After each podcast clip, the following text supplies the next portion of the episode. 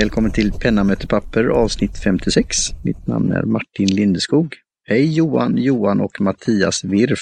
Välkommen! Tack så mycket! Hej, det var Johan Gudmundsson här. Eh, välkommen Mattias! Tack, tack! Här var det Gustafsson och välkommen till dig också Mattias. Tack. Då kör vi ju, som ni kanske förstår, kör vi kör en liten intervju med, med Mattias här. här. Eh, berätta lite om dig själv Mattias. Mattias Wirf heter jag alltså och är 44 år, bor i Örebro. Konstnär och webbutvecklare. Har familj med fru och två barn.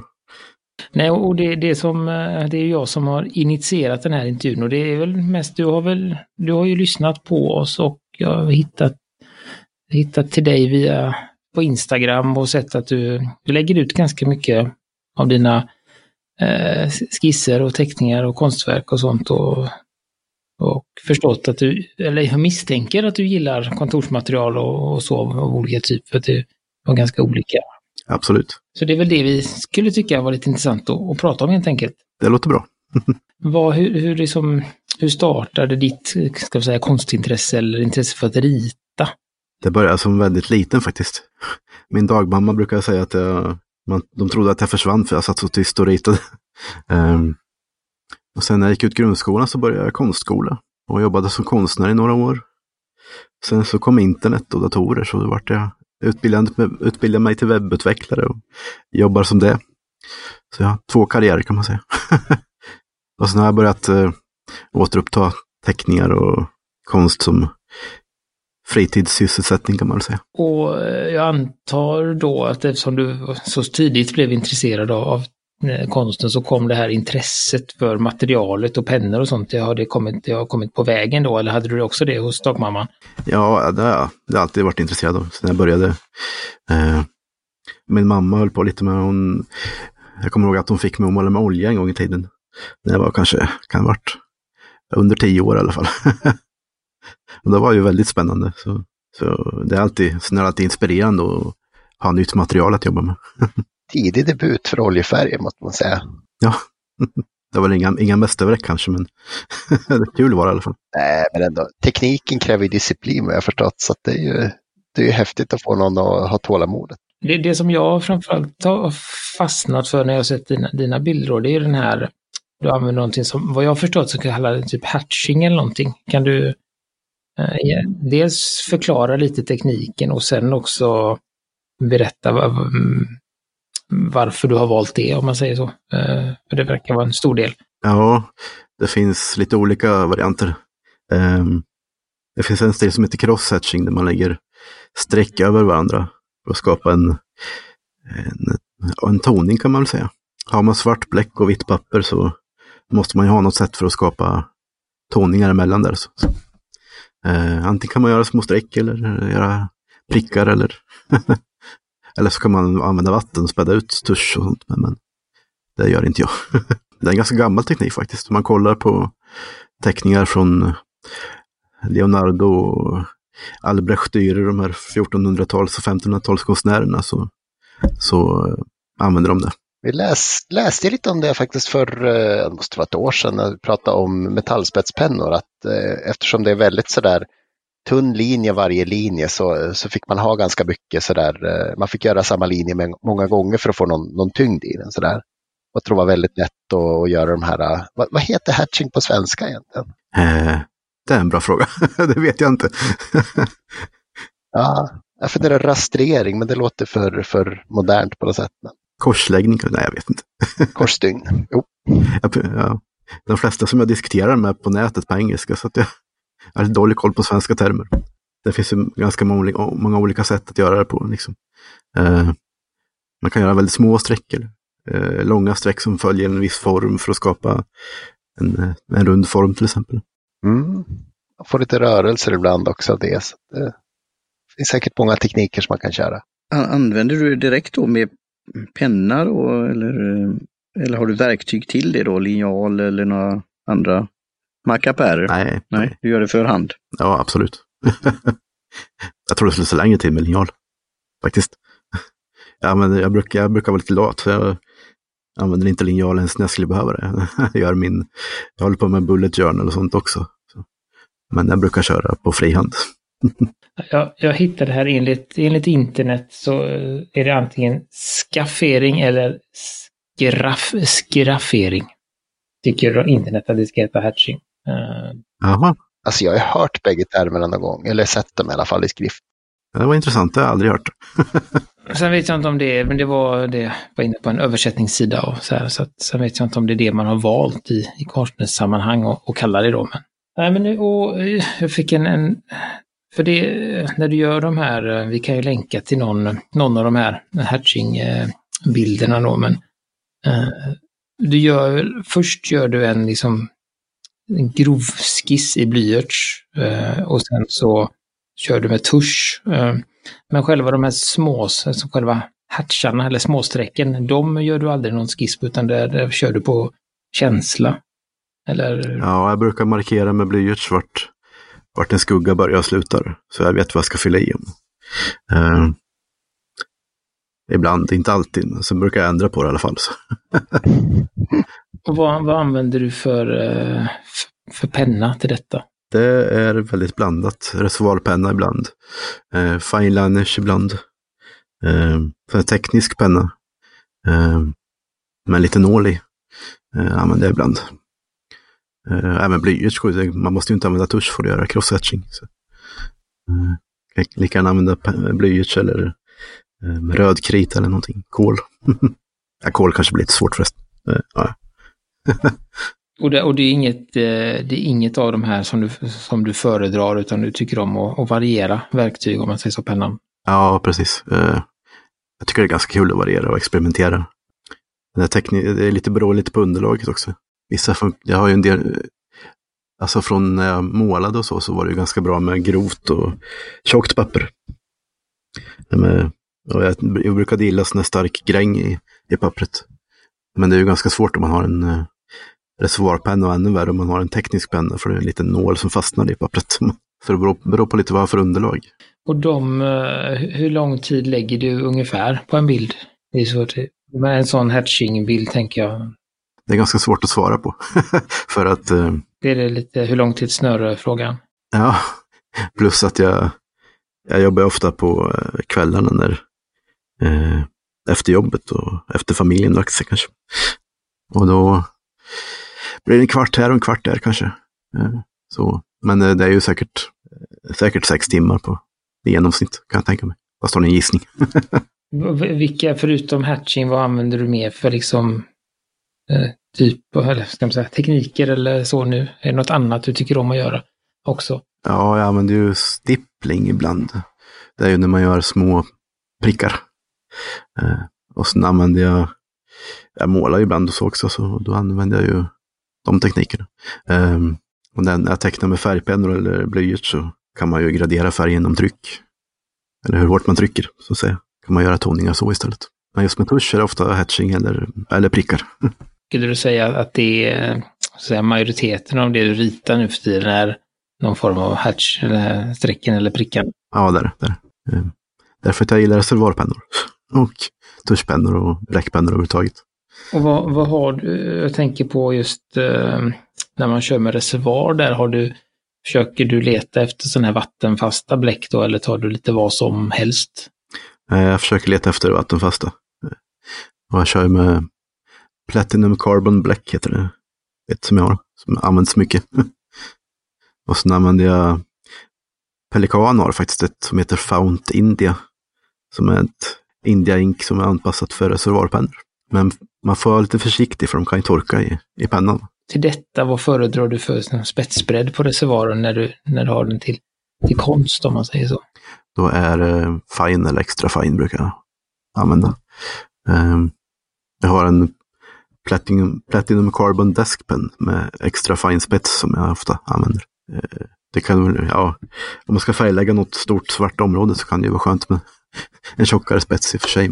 Så jag försöker variera lite där också. Jag har ju, när jag använder fineliners så är det ju ganska smidigt att byta penna. Så. Det är ju samma bläck och samma tyngd misstänker jag där så att det liksom, de flyter, ser bra ut intill varandra. Ja, precis. Även om de är svarta så är de olika svarta ibland. Mm. Har du någon favorit, eh, kan man säga, märke när det gäller fineliners eller tar du vad som? Eh, ja, de som jag använder är min favorit, fast det är ju för att inte testat så många kanske. Men jag har ju Pigma Micron Sakura. Eh, sen har jag några Stertler, Pigment Liner heter de, som också är ganska trevliga. Nej, Det är inte så jättestor skillnad egentligen. De, är, de har samma slags spets.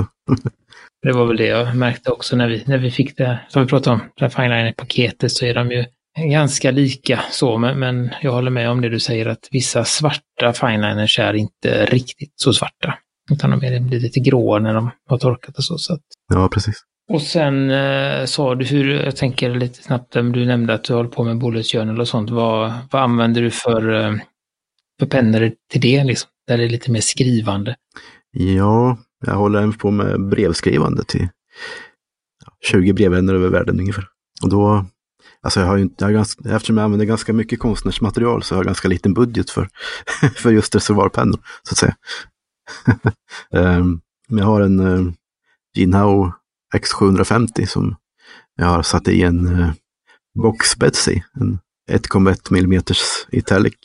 Och den är ganska trevlig att skriva med. Sen uh, tycker jag väldigt mycket om min Twisby 580 också. Och vad, vad föredrar du på för spets där när du, när du skriver? På, eller vad har du på Twispin kan man väl vara en frågan. En fine har jag. Eh, Den, den känns inte alltid så fin, men den är, det ska vara en fine i alla fall. men jag tycker det är trevligt med lite bredare när man skriver. Lite, lite flex ibland. Jag har en, en annan Jinhao som jag har satt i en Zebra J-spets i, med dopp-pennspetsarna som är väldigt flexiga.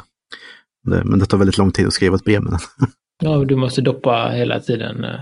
Nej, jag satte i den i en uh, Jinhao med konverter. Eh, men däremot så räcker inte bläckflödet till så den, man får skruva upp den och trycka på lite ibland. Ja, det har jag hört förut om, om just de här eh, Frankenpens med, med flexiga spetsar på en vanlig feed. Ibland blir det inte riktigt, eh, ja, det blir torka liksom sådär. Har du på någonting med kalligrafi och sådär också som, uh, som just som hobby och sådär? Eller är det mest brevskriveri för dig? Ja, det är mest brevskriveri, men jag har gjort lite kalligrafi då och då sen försöker jag ju skriva snyggt när jag skriver breven också. jag, försökte skriva, jag försökte lära mig lite sån här copperplate, eller vad heter det? Eh, eller Spencerian var det nog. Så jag försöker hålla den stilen lite när jag använder flexpenna. Men eh, det tar som sagt väldigt lång tid att skriva ett brev. Så. kräver lite tålamod att lära sig också. Jag har försökt några gånger här och, och bli lite bättre, men alltså viljan att skriva fort tar över, tyvärr. Ja, precis. så är det för mig också. För den, eh, det är väl den, den du använder, det är väl den som är sådär jättekringlig va? Den stilen. Ja, just det. Fast, ja, Ja, så du har ju åtta, nio raders bågar tänkte jag säga som, som går in i varann och är otrolig i liksom, att läsa, men jag, jag tror det tar lite tid. Ja, eh, Martin, ska du hoppa in lite? Ja, det kan jag göra. Och eh, det blir lite gott och blandat här då. Jag var inne på din sida då, webbplats. Så skrev du ju lite om, om ditt intresse här då, du har skrivit på engelska. Och, om eh, ljuset. Att, och då är min fråga där hur du tänker på det, när, att fånga ljuset och få fram ljuset i dina teckningar och målningar. Och nu har vi ju hört lite då med den här hatching då, tekniken. Och jag har gjort väldigt lite med skiss själv då. Jag kommer komma tillbaka till en av dina första eh, vad heter det, bilder då. Som jag gjorde en, en karikatyr av den personen och då var det ju att lära sig det här med det var ju inte ljuset i sig, men just skuggor och sådana här saker. Men just att hitta ljuset, har du några tankar om det? Jag brukar tänka på formen ganska mycket och hur ljuset träffar formen så att säga. Ehm, Från början när jag målade så var jag väldigt inspirerad av impressionisterna. Som använde, de tänkte ju väldigt mycket på ljuset. Så där försöker jag tänka mycket på att använda skuggor och ehm, kanske inte så mycket linjeteckning om man säger så. Utan om jag ritar en rund form så ritar jag ljuset och skuggan, inte en linje som är rund. kanske enklast att beskriva det så, men sen är det inte alltid lyckas förstås. Jag försöker. Då kommer vi när du sa då en av de här skolorna då. Du nämnde ju andra stora mm, konstnärer tidigare. Eh, vad har du för inspirationskällor när det gäller det? Konstnärer, tecknare, olika inriktningar då. Även då kan man ju säga, det är ju inte på det sättet, men eh, du har ju hållit på med fotografi också då, eller att vara en fotograf, ta bilder. Det gjorde jag ett tag, ja. Eh, ja, jag, eh, vad ska man säga då? Jag har ju, det finns inte så många teck, teckningar från impressionisterna som jag har tittat på i alla fall. Men det finns en man som heter Franklin Booth som på, från början på 1900-talet som gjorde väldigt intressanta teckningar med crosshatching och eh, tusch som jag tittar mycket på. Men sen, eh, ja, jag har inte försökt kopiera direkt, så jag vet inte riktigt hur, hur nära det ligger mina. Men, eh, sen har jag ju läst mycket konsthistoria, så jag har ju, jag har ju favoriter från de flesta tidsperioder, om man säger så. Um, sen har jag fotograf fotograferat som sagt, eh, mycket naturfoto. Och, Eh, men det håller jag inte på med så mycket längre. För.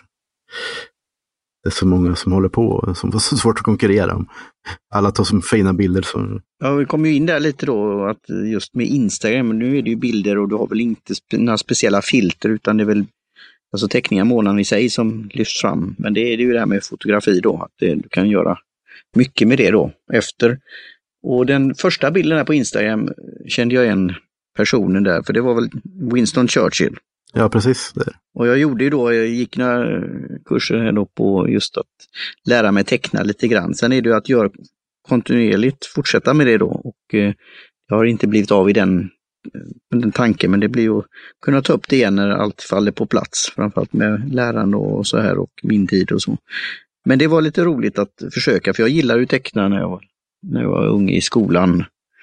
Så här. Och, och, när jag såg den Churchill med, med han hade väl, var det sån här plommonstopen och liknande hatt och, och sen en fluga och den här uppsynen eh, tyckte jag fångat väldigt bra. Så kan du berätta lite om den? Din, din första bild där på Instagram. Ja, det är nog min första teckning med reservoarpenna tror jag. Eh, jag, hade inte, jag hade precis läst eh, en biografi om Churchill.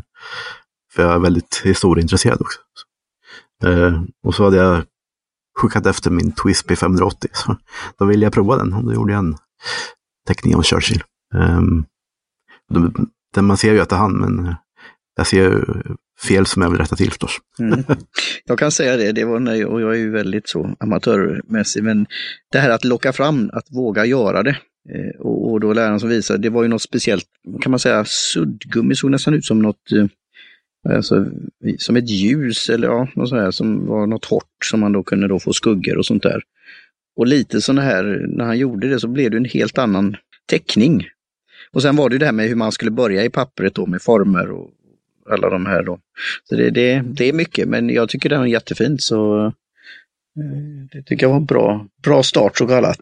Eh, eh och du har ju sagt att du har brevvänner då runt om i världen. Eh, får du mycket då, du hade ju 20-tal som du sa, men du får mycket snigelpost då. Så att du kan eh, pröva, testa och fortsätta med skrivandet.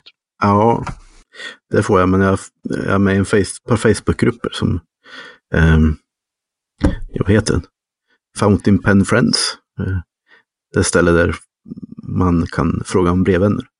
Och jag skrev en, en post där en gång och då började det trilla in massor av brevvänner. Så, eh, Problemet just nu är att jag inte hinner svara alla. Och det kostar ju en del också att skicka. Ja, det, det, det är ju det där med portot. Men det är, en, eh, alltså, det är en trevlig sak att just hålla det, hålla det vid liv och träna och få kontakter och vänner i livet kanske. Så det, och sen har du ju lite, vi har ju pratat om det här med tiden då, men just att det inte behöver bli direkt, att du behöver svara direkt, utan det har ju den här postgången och annat. Och det är en viss känsla på det faktiskt. Ja, precis. Ja. Sen är det det här, jag såg en bild också på Moleskin Watercolor Album. Hur är det då? Du pratar ju om dina tidiga eh, upptäcktsfärder där. Hur är det att rita med, med vattenfärger då i en sån typ av bok? I en Moleskin? Den som du såg på bilden på har jag faktiskt inte börjat i. Okej, okay, men det, ja, då kommer vi, då kommer vi med de här roliga sakerna som vi pratade i ett annat avsnitt. Eh, i produktivitet. Att jag har ju gått på nu tack vare eh, Johan och Johan här eh, börjar köpa just kontorsmaterial. Så det här med anteckningsböcker och bra ha-saker, ja, det, jag, jag förstår. jag skaffade en sån speciell Moleskin just för min första bok om te, just som var mer som, ja just eh, man kan säga som film, att det är olika rutor då. Och det, var, det gav mig en sån psykologisk grej. Att ja, men då blev det lite mer konkret och jag kunde då enkelt då säga att det här vill jag ha i boken upplägg. Sen fick jag använda andra verktyg också, men att just göra min enkla teckning, det, det gav någonting faktiskt. Jag fick en överblick på, på något sätt. Jag har en, jag har en liten sån här, eh, vad ska jag, fickstorlek på en sån eh, målskin. Och tanken var väl att jag skulle åka ut och Den har jag faktiskt målat några bilder i alla fall. Men tanken var att jag skulle åka ut och eh, göra sån här, vad heter det, US eh, Urban Sketching. Ehm, och jag gjorde det några gånger, men det var på semestern. Ehm, så köpte jag en större, en större målarbok, eller vad man ska kalla det. Men eh, sen började semestern ta slut, så då hade jag inte så mycket tid att åka ut längre. Så det blev inte av än. Men det ska väl, jag har ju, jag har ju den kvar, så att den ska väl användas någon gång. Det är jättebra. Då har du någon att vara när du är redo. En av de här bilderna också var det, jag tycker de här lite behind the scenes, eller man ser en utveckling, en process då. Och Johan har ju pratat om det, hur lång tid det tar. Och det kan vara lite svårt att veta då, men det här olika stegen då, från sketch till drawing och det inkluderar vi show notes också. Det var ju en, en, en herre där med en cigarett eller cigarr eller något sånt där då. Och så kunde man då stega sig vidare. Hur, kan du berätta lite om de här olika stegen och just tids, tidåtgång och lite andra saker om det? Ja, jag brukar börja med en, att skissa på ett löst papper eh, med blyerts tills jag blir nöjd. Eh, och så brukar jag föra över det till det pappret som ska bli den färdiga bilden så att säga. Eh, helt enkelt kalkylera eller eh, med ett ljusbord. Därför att jag inte vill ha en jättekladdig blyertsteckning under tuschet. Och, eh, det, men sen brukar jag, när jag håller på, så börjar jag där det ska vara mörk, mörkt. Liksom. Eh, och gärna jobba lite över hela teckningen samtidigt. Bara för att se. Då får man en bättre bild av hur det kommer att se ut. Och sen så jobbar jag på tills det känns rätt. det är ganska mycket känsla är det svårt att veta när man slutar liksom? Och man ska ta ett steg tillbaka och vara nöjd liksom, tycker du? Ja, det tycker jag är jättesvårt. När jag gick på konstskola så brukade jag få eh, mest beröm för de grejerna som var jättesnabba. Som man gjorde snabbt. Vi hade kroketteckning ganska mycket. Det vill säga efter modell. Och då... Mm, jo, jo, de kan inte stå hur länge som helst. Så att... Nej, fast vi hade ibland väldigt korta ställningar. Bara för att öva oss. Men det var oftast de som de tyckte var bäst. Eh, de teckningarna som blev. Eh, så har jag valt att jobba med en stil som tar jättelång tid istället. Det är lite konstigt. Men... men hur är det när du sitter med den här äh, sitter med den här teckningen och gör de här strecken? Liksom, har du, finns det någon möjlighet att liksom justera med väv efter, eftersom, äh, under tiden? Alltså om du nu märker att det blir kanske blir lite fel uppe i ena hörnet, då kan du ändå gå in och fortsätta med den och göra lite justeringar så att, du inte, så att den ändå blir... Absolut. Eh, det gör jag nästan alltid i stort sett. Eh, ja, man märker under tiden att det är någonting som inte stämmer, då kan man rätta till. Likadant om man råkar eh, droppa en bläck eller tuschdroppe någonstans så kan man ju försöka, om man har tur, jobba bort den. det händer ju. Ja, för, det, för det är väl så när du väl sitter med tuschen där så det är ju inte, sudda är ju inte alternativet utan du får ju liksom jobba runt det eller försöka dölja det eller... Ja, precis. Ja. Eh, det är ju inte friction penscore att sudda men det har jag inte, inte använt så mycket. Just det, det är, det, är ett kär, det är ett kärt ämne att prata om. Ja. friction. Så det blir insider joke. Eh, och jag går snabbt över till en, en fråga här. Vad är White Sakura Jelly Roll? För det är den senaste bilden där av eh, ett konstverk där du sa just då, är jag färdig? En pojke som sitter och tittar på någonting i en rund ja, cirkel. Och då fick jag direkt, och kan vi inkludera det också, en aha och länkade till Cordair Art där. Ett barn som är i, i ett månlandskap. Ja, den har jag inte kollat på.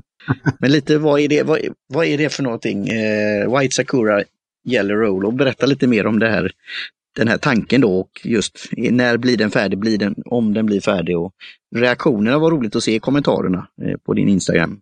Det var väldigt olika reaktion. Eh, vissa tyckte att jag var klar och vissa att jag skulle lägga till andra saker. Men en, det är en hjälppenna från Sakura som gör, de gör ju Pigma Microns också och en massa, massa andra saker. Ehm, det är helt enkelt en hjälppenna som är vit, som är väldigt populär bland konstnärer som jobbar på svart papper. Ehm, det finns några, det är, ganska svårt att hitta ett vitt, ett vitt bläck som funkar på svart papper för det måste ju vara täckande. Ehm, och många vita tuschpennor och sånt som de, om de inte är heltäckande så blir det ju grått istället för vitt. um, så den är en ganska populär variant. Och den fanns i affärerna som finns i Örebro, så det var också bra. Ja, det, bra. det får ju en speciell eh, effekt på något sätt. Det då, för omvänt brukar det ju vara vitt papper i någon form. Sen har vi ju prat, diskuterat det här, vilken form av vithet och eh, om det är då som du sa gräng och om det är olika material, om det går med gultonat eller vad det, vad det nu kan vara. Men det här andra att börja med svart då. Eh, ja, nej, jag tyckte det var en fascinerande bild. Det är ganska effektfullt att jobba på det sättet. Börja, man får ju tänka tvärtom och spara, spara det som ska vara mörkt istället. Så att säga. Nej, och vi kommer väl eh, kanske höra mer om, eller uh, höra den här pennan igen i en senare intervju, kan jag väl säga. Ehm, jag tänkte på det, hur ser, hur ser ehm, utbudet ut liksom i, i Örebro, där du då bor? Hittar du det mesta där eller blir det mycket beställa på nätet? Det är mycket beställa på nätet. Vi har ju Akademibokhandeln och Panduro som är dit man kan gå. Ehm, och sen har vi en färghandel som har ganska bra med konstnärsmaterial. Men det är inte så mycket pennor utan mer ja, block och färger och sånt. Så det är mycket nätet. Jag, min, jag har bott i Örebro också, men jag minns ju inget sånt här, ingen sån här fantastisk pennutbud där. Men, men som sagt, de har ju Akademibokhandeln, de, de har ju en del. Fast det blir ju lite dyrare än på nätet också. det blir ju alla färre. Ja, men precis. Men köper man dem inte försvinner de också, så att det, man får ju sprida sig lite tycker jag. Men det funkar, man kan få tag på det nödvändigaste i alla fall. jo, ja, men precis. Men du, jag måste fråga, är du sån här som liksom gärna köper på dig mer pennor och konstnärsmaterial än vad du kanske behöver? sådär? Eller hur stor del är samlandet och liksom, eh, hårdandet för dig? Kanske inte just när det gäller reservoarpennor för att det, det, de kostar ju en del. ja, men precis. Så jag har, jag har inga sådana jättedyra pennor egentligen. Utan, eh, men annars när det gäller konstnärsmaterial och kontorsmaterial också så har jag väl en hel del som jag inte är färdiganvänt om man säger så. Just det. Är det så att du får ta dem till jobbet och gömma dem från familjen då eller kan de liksom acceptera dina inköp så länge? Nej, så farligt. Som, som tur är så är min eh, fru konstnär också från början. Så. Äh, vad kul! Ja. ja. så hon eh, har förståelse för det tror jag. Får, får du gömma av andra anledningar istället då? Att ja, precis. ja. Och eh, mina döttrar är också väldigt intresserade. Jag har faktiskt fått min, eh, ena, min största dotter har börjat med reservoarpenna. Hon, är, hon fick den när hon var 11 tror jag. Lite roligt. Just det, alltså har man väl börjat så är det ju svårt att, att inte gilla det tänker jag. Så. Ja, precis. Hon har ju lite kompisar så att det är bra jobbat. Bra jobbat. Jag måste fråga, eh, hur, det, jag kikar på dina så här teckningar, bläckteckningar. Jag tycker det är sådana regelbundna skafferingar eller crosshatching eller vad vi kom fram till att det heter. Det påminner väldigt mycket om gravyr. Är det något du har jobbat med på konstskola så att du liksom har fått den här vad ska man säga, disciplinen på linorna? Är det något du, du liksom kommer fram till enbart på papper? Nej, det har vi inte jobbat med så mycket. Vi, vi höll på lite med grafik eh, ett tag, men det var typ en vecka eller så. Så det är inget, Inget som jag har gjort tidigare så mycket. Utan det är mer vad jag har kommit på själv. Mm. Just det, det är konsekvent och snyggt. Det påminner lite om sedlar så att det, jag tycker det ser bra ut. Ja, vad intressant. Jag, jag instämmer, jag håller, håller med.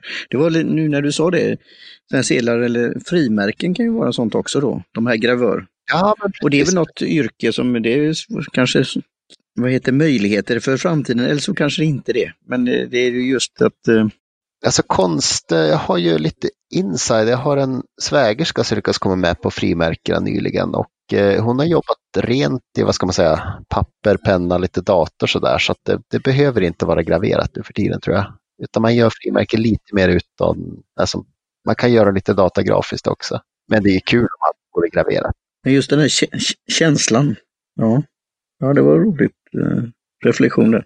Det är lite intressant att du där med sedlar för Ja, nu är det den andra som har sagt det. så det var lite intressant. Är man duktig gravör och duktig på att hålla på med sedlar så kan man alltid göra sig en hacka i något, uh, något sammanhang. Vi säger inget mer. Mm, yeah. Det gäller bara att hitta en printing press också. Mm. ja. Men det Mattias, jag funderar lite. Du, du har gjort väldigt mycket fin konst och lagt ut sådär. Är det mest egna verk eller har du liksom mycket kommissionsarbeten som du får, får göra? Nej, Eh, alltså grejen, jag, jag jobbade som porträttmålare på 90-talet. Eh, som anställd porträttmålare faktiskt. Oh, ja, ja. Eh, men det var en, eh, en stil som man inte fick välja själv så att säga. Så jag blev väldigt trött på, på det. Eh, och då bytte jag till webb, webbutveckling istället. Men sen när jag börjat, alltså en fördel med att jobba på fritiden är ju att man inte behöver eh, ta beställningar. Nej, men precis, precis. Men jag har gjort en, en stor beställning som var lite rolig. Um, det var där jag jobbar som webbutvecklare. Uh, ägarna till det företaget har uh, drivit i 25 år. Och då beställde mina arbetskamrater en, en, ett porträtt som jag jobbade på under en stor del av förra året kan man säga. jag, jag gick lite overboard med jag, jag, tog ett jättestort papper och gjorde eh, crossetching på. så det tog lite tid. Man på kvadratmeter kanske blir lite jobbigt tänker jag också. ja, men det vart väl mottaget i alla fall. Hur, hur lång tid tog det innan du insåg att du kanske hade valt ett för stort papper? det, det tog inte så lång tid. men jag var, vad ska man säga, det var för sent att börja om. mm. Ja, men då kan det vara det här Guinness World of Records. kan man hitta, hitta mycket sånt. Möjlig, möjligheter. Men till slut, jag blev klar i december förra året i alla fall. och det, jag var ju tvungen att dela ut innan nyår eftersom sen var det inte 25 år längre. Men det gick bra. Har du några utställningar så här så få ihop, eh, få ihop tillräckligt mycket för att, för att ha liksom egna utställningar och vernissage och sälja lite sådär också? Nej, inte just nu, men jag har haft, eh, när jag höll på och målade mycket, så hade jag tillsammans med min fru bland annat utställning i Dalarna. Och visade upp ganska mycket. Men nu sen har, målar jag inte på så många år och så började jag teckna sen har det inte blivit av att jag ställt ut den ja, det känns lite långt från det man ser på konsthallarna och så. så ja. alltså det finns nog alltid någon som skulle vilja köpa teckningar tror jag också. Det är ju klart inramningsbart och vi har ju tyvärr lite små kontor nu för tiden så en teckning på alltså A5, A4 tror jag definitivt skulle kunna, skulle kunna förgylla ett par väggar. Så jag skulle inte ge upp helt i alla fall. Ja, det kanske är något. Ja, jag tycker den idén och, och sen även då, du jobbar ju även då med det digitala alltså på webben och så här. Just att det blir en karaktär och det blir, någon, det blir något unikt på något sätt att göra det. där. Eh, så det, det, tror jag kan finnas. Sen, sen ska det ju vara att det är lustfyllt och trevligt, men vi hör ju det som en genomgående, att det ska vara kul att göra det. Och att du gör det när du har tid och, och möjlighet eh, och inte när du måste så kallat, eller ta order så. Så har du lite, vad har du för planer för framtiden? Har du, är det något du skulle vilja ja, testa ny, nya tekniker eller någon form, något område eller grotta ner dig i något ja, speciellt projekt eller sånt där? Ja, jag har lite tankar om... Ni var inne och kollade på hemsidan, men som ni kanske märker så är jag inte så jätteuppdaterad. Och det beror på att jag snart kommer lägga ut en ny. och satsa lite på eh, att göra mina teckningar ja, där jag vill så att säga och inte så mycket porträtt kanske. Men och sen försöka sälja dem på nätet. Jag har inte riktigt löst allt runt omkring. Jag, jag har funderat på om man ska sälja original eller om man ska försöka hitta något sätt att trycka prints. Det har just tekniken och distributionen har ju då det utvecklas väldigt så det, det går att göra. Sen jag då som inte tekniker då att just få det i rätt format och sådana här saker. Och eh, det kan ju vara en utmaning. Och sen är ju att bli hittad om man nu alltså vill det då. Men Alltså det, nu finns ju möjligheterna. Sen är det ju att göra det som vi... Att det blir ju som ett projekt att sätta ihop alla de här pusselbitarna. Men det är jättekul att höra, så det får du hålla oss informerade om. Ja, det ska jag göra. Men jag hoppas det ska komma lite nytt här snart. Så.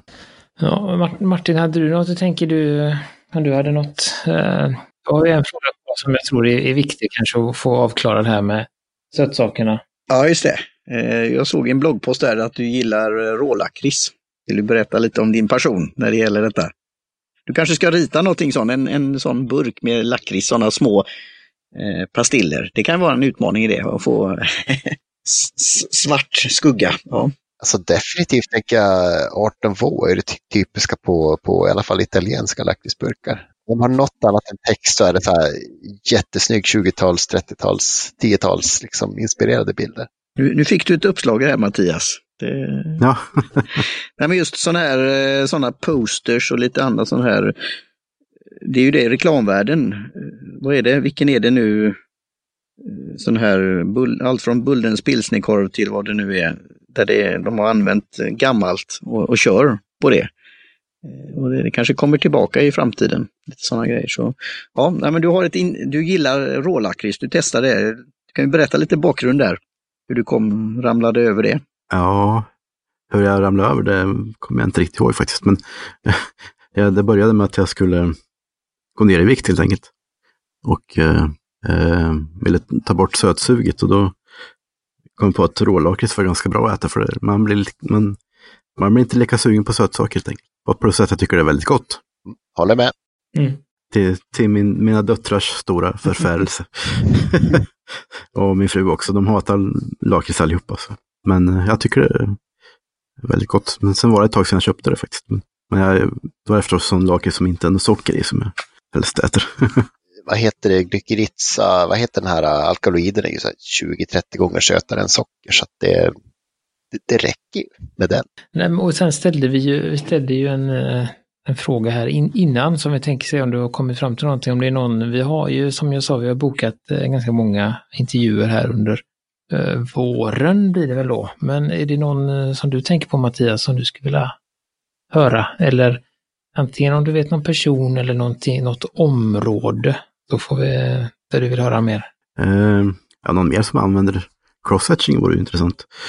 Men annars så kommer jag tänka på eh, Mattias Adolfsson, om ni sett hans teckningar. Eh, han gör lite så här, lite mer skämtteckningar kanske, kan man säga. Och jag vet att han använder reservoarpennor. Det kanske passar bra. Jättebra tips. Jag, kan, jag kan skicka en länk om ni inte vet vem det är. Alltså. Mm.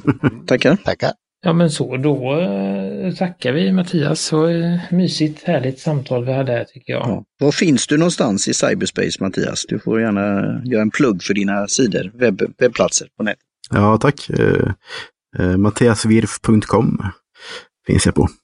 Och så finns jag på Instagram också. Eh, där heter jag Virfi. W-I-R-F-I. Och jag kommer ju inkludera dem och även de här länkarna och bilderna som vi har pratat om kommer ju komma med i show notes här, så att eh, Så väl, tackar så mycket för att jag fick vara med. Det är vårt nöje verkligen. Tack. Ja, det är det. Tack så mycket Mattias. Det var ett trevligt samtal. Tack, detsamma. mm, då säger vi så så hörs eh, vi är tillbaka om två veckor ungefär med en, en ny gäst som vi eh, berättar om då, helt enkelt. Eh, men vi kommer försöka täcka in lite olika områden där man använder sig av kontorsmaterial. Så att, eh, och ni som lyssnar får gärna önska person eller eh, område, precis som jag sa till Mattias, får vi se om vi, vi är, eh, eh lyckas få tag i någon helt enkelt. Mm. nej men då, då tackar vi för den här gången. Så tackar vi ju eh, återigen Mattias för att han var med och vi tackar Jim Johnson för jingel och vi tackar alla som lyssnar. Hörs vi snart igen. Det gör vi. På återhörande. Tackar. Tack, hej då. Hej.